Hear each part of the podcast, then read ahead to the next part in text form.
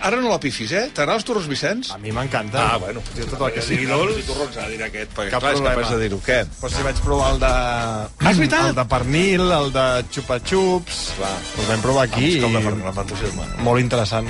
Bueno, què? Has de dir alguna cosa o no?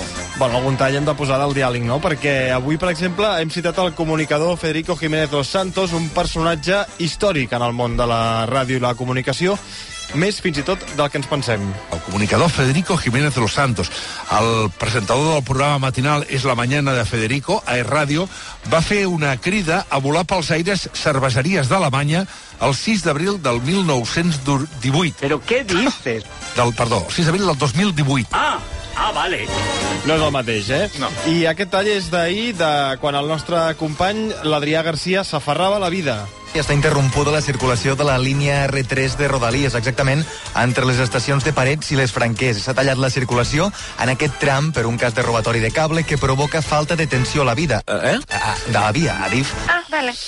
I anem amb un altre tall. Aquesta és la fina línia entre els vius i els morts, Àngels Barceló a la SER. Si algún oyente tiene ese fragmento, Por favor, que nos lo haga llegar. 900, Que llame 100, 800. Bangal. Que ya... No, pobre, que está muerto. ¿Cómo? No, pobre, que está muerto. Ay, no lo sabía. Murió Bangal.